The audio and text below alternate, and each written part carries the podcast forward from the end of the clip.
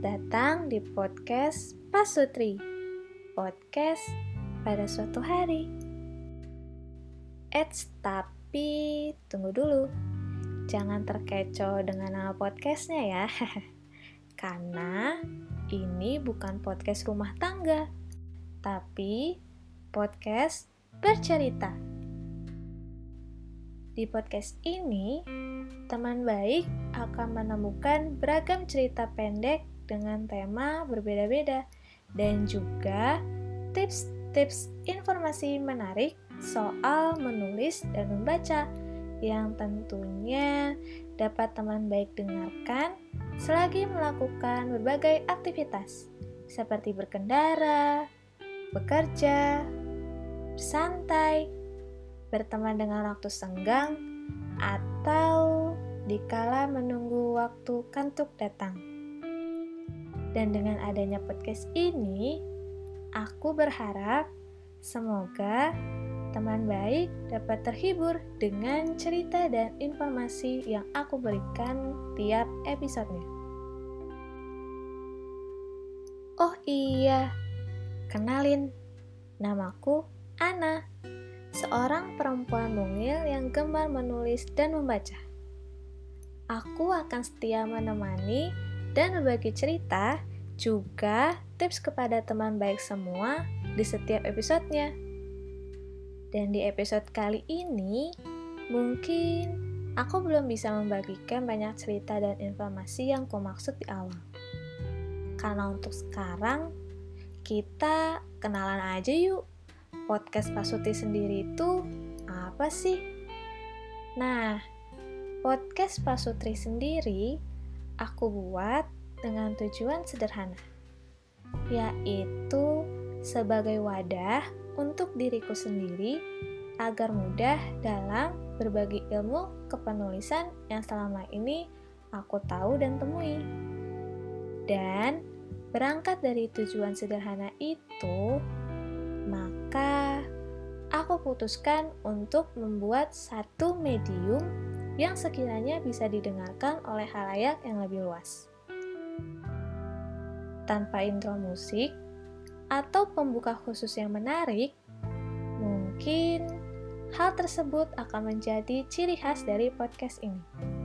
Karena podcast ini kembali ke yang kusebut sebelumnya, lahir dengan tujuan yang sangat sederhana. Maka, jangan menaruh ekspektasi tinggi pada podcast ini ya. podcast ini, selain sebagai medium bercerita, aku harap juga bisa sebagai teman baru untuk para pendengar semua yang kupanggil dengan sebutan teman baik.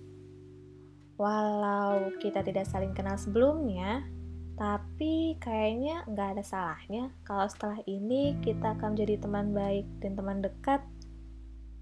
Aku akan selalu menganggap siapa pun yang mendengarkan podcast ini itu sebagai selayaknya teman-teman yang setia mendengarkan ceritaku, seperti bercerita pada teman dekat, layaknya sahabat. Jadi, Hai teman baik, salam kenal kembali. Semoga kita bisa berteman baik sampai akhir waktu ya.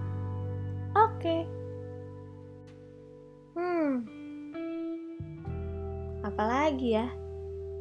Oh iya. Kenapa sih aku suka menulis dan membaca? Karena menurutku, menulis itu bisa sebagai self healing untuk diriku sendiri bagaimana aku mengkomunikasikan berbagai macam ekspresi dan emosi yang sedang aku rasakan lewat rangkaian kata. Aku sebenarnya gak pandai dalam berbicara ataupun mengungkapkan rasa. Maka dari itu, lewat menulis, aku bisa lebih mengekspresikan hal itu semua. Aku sendiri mulai belajar menulis kayaknya sejak sekolah dasar Aku awalnya cuma coba-coba nulis satu cerita pendek dan aku kirimkan ke redaksi majalah Bobo. Kalian tahu majalah Bobo kan? Pasti tahu.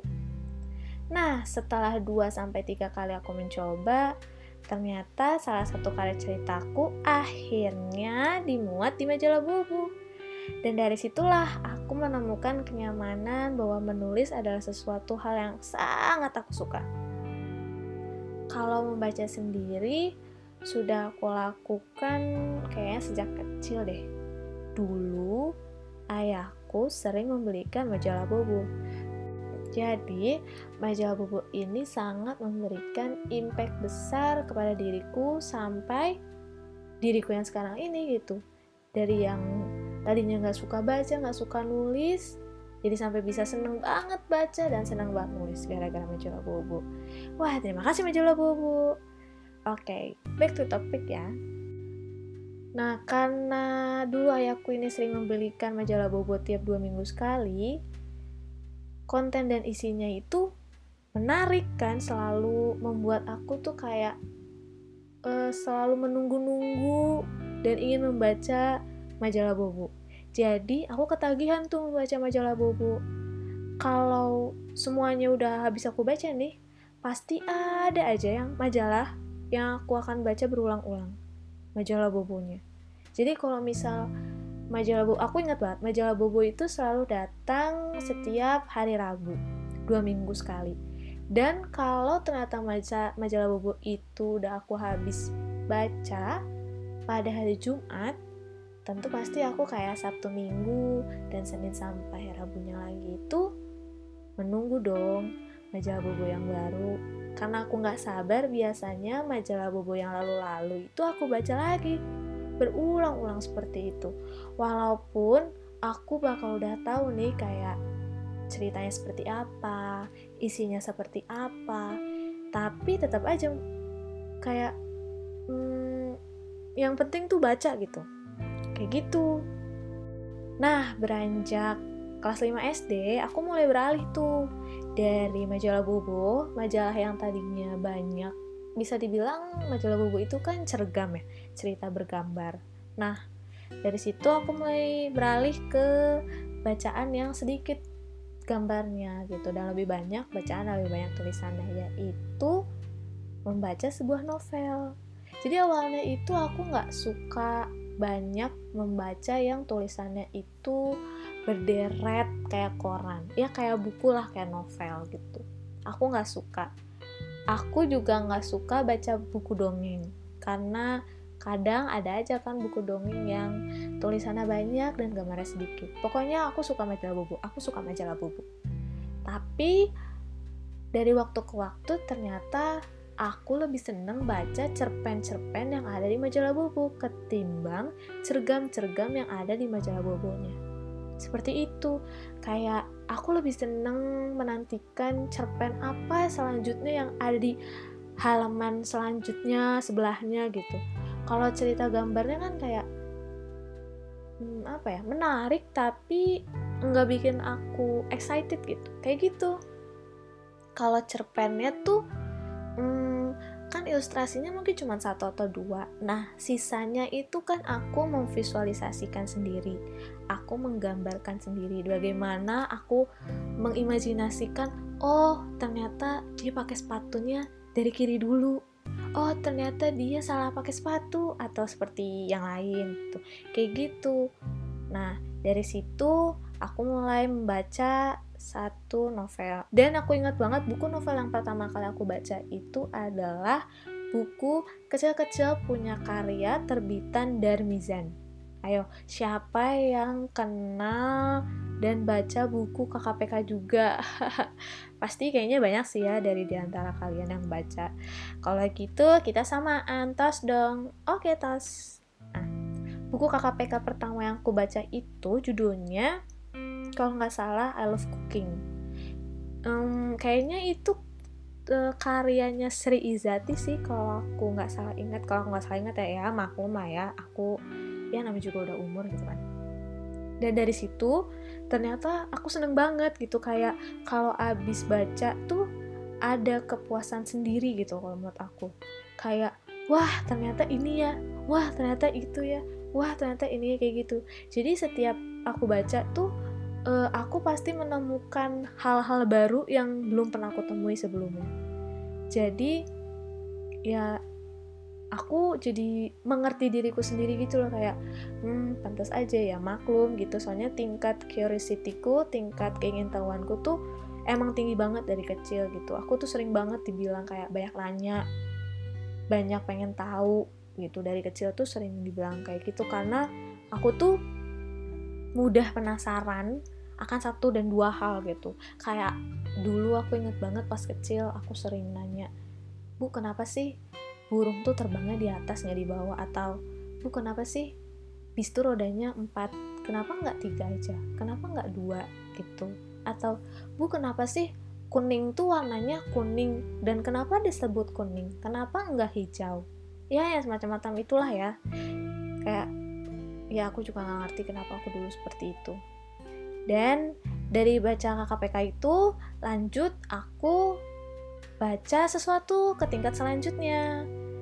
Di KKPK itu sendiri sebelumnya ntar aku balik lagi ke KKPK di KKPK itu sebenarnya ada sih gambarnya. Cuman itu kayak kalau dari satu chapter misalkan dari lima halaman dari lima halaman itu hmm, ada satu halaman khusus itu isinya uh, ilustrasi dari uh, inti cerita di chapter itu kayak gitu.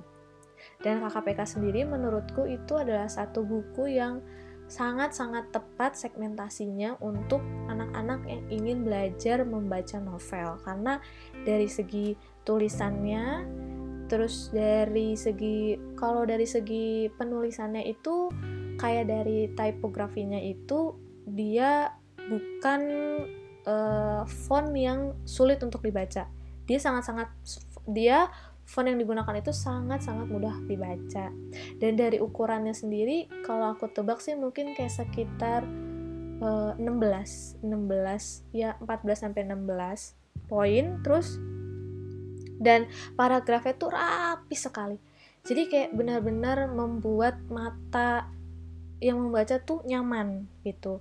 Dan dari segi konteks isi penulisannya pun uh, bukan sesuatu hal yang berat gitu. Benar-benar uh, apa ya cerita yang disukai oleh anak kecil relate dan menyenangkan kayak gitu. Apalagi ditambah ilustrasinya.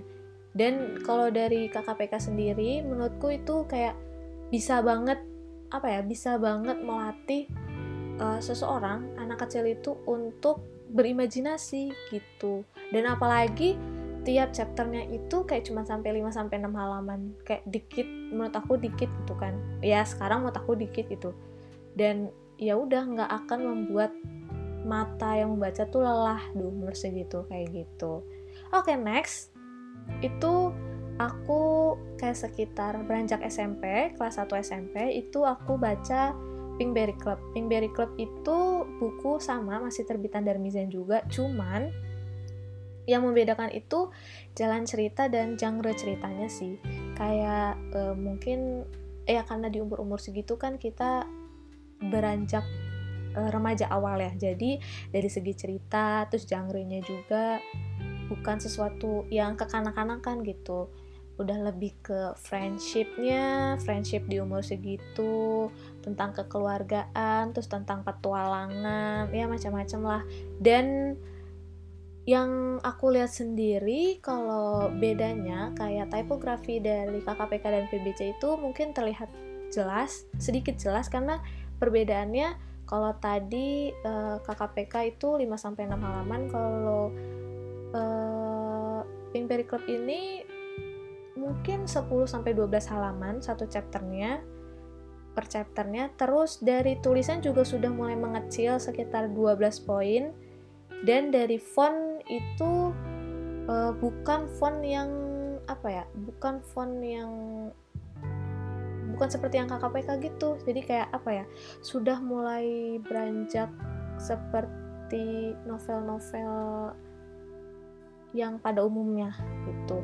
Aku nggak tahu sih nama fontnya itu apa tapi itu jelas banget sih dari font KKPK ke font Pinkberry Club itu beda banget gitu. Dari segi ukurannya juga. Dan enggak semua per chapternya itu ada ilustrasinya. Jadi itu apa ya lebih melatih seseorang yang membaca untuk berimajinasi.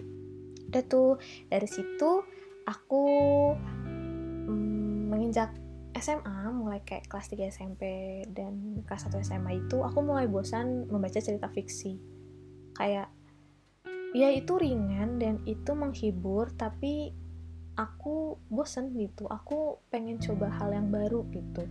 Kayak ya pasti cerita fiksi cuma gitu itu aja gak sih kayak gitu? Dan yaudah akhirnya dari situ aku mencoba membaca seperti ini tapi menurut aku luar biasa sih. Karena mungkin ini adalah salah satu gebrakan dari aku yang keluar bener-bener dari keluar dari zona nyaman gitu. Bener-bener satu gebrakan gerakan yang sangat bukan aku sekali gitu. Kayak aku menginjak SMA tuh mulai baca buku sejarah atau biografi tokoh terkenal. Karena kebetulan aku ada uh, apa sih misalnya mata pelajaran minat yaitu sejarah dunia kayak mau nggak mau kan aku harus baca kan sejarah dunia seperti apa gitu. Dan ternyata itu seru banget gitu. Dari situ aku mulai baca buku biografi tokoh terkenal juga. Dan salah satu buku biografi yang menurutku sampai sekarang memberikan kesan mendalam itu aku masih ingat banget buku yang tentang menceritakan uh, Muhammad Hatta. Tapi aku lupa judulnya apa. Kalau nggak salah demokrasi kita or something like that gitu. Aku nggak tahu aku lupa dan dari situ aku tuh kayak dapat pandangan baru insight baru ilmu baru. Pokoknya semua semua semua yang baru tuh aku dapat dari situ kayak gitu. Dan dari situ dari situ pula aku tuh mulai berani untuk membaca sesuatu yang baru. Maksud aku kayak sesuatu yang belum pernah aku coba sebelumnya. Kayak aku mulai baca apa ya aku mulai baca hmm, kayak politik kayak gitu-gitu deh. Dari situ tuh kan aku dapat berbagai macam insight tuh yang bener-bener nol banget gitu kan.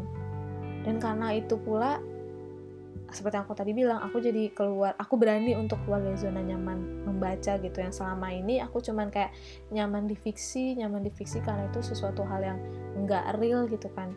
Dan ternyata ya udah gitu aku berani keluar keluar dari zona nyaman itu dan berani untuk membaca buku-buku non fiksi kayak yang tadinya aku sama sekali anti politik gitu. Kayak orang ngomong politik apa sih gitu? Udah sana deh gitu. Tapi ternyata aku aku seneng gitu.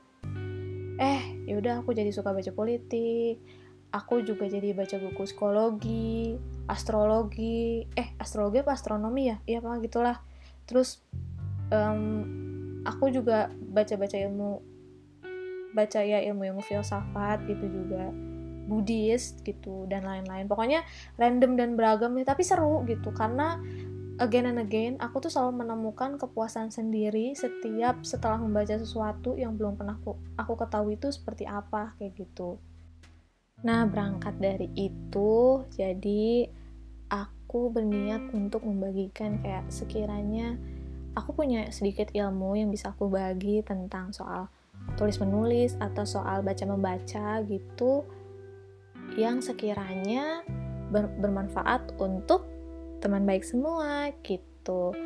Dan mungkin dari sini juga aku bisa sambil belajar untuk mengingat-ingat ilmu-ilmu atau sesuatu yang udah lalu gitu kan. Jadi aku recall kembali memorinya dan aku sampaikan kepada teman baik semua. Jadi hmm, sebagai medium aku belajar juga buat mengingat apa yang telah aku pelajari apa yang pernah aku lalui soal menulis, tulis menulis dan baca membaca dan sebagai apa ya sebagai sarana untuk berbagi juga kepada teman baik semua.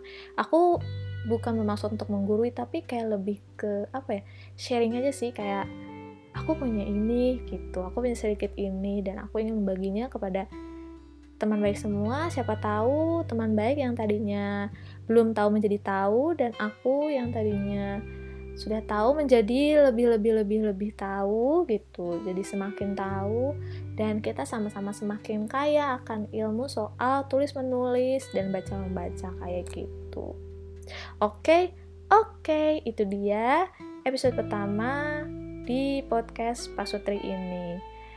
Baik, terima kasih atas ketersediaan waktu teman baik semua yang sudah mendengarkan episode pertama ini. Sampai jumpa di podcast bercerita eh salah ya maklum ya amatir baru episode pertama oke sampai jumpa di cerita selanjutnya dadah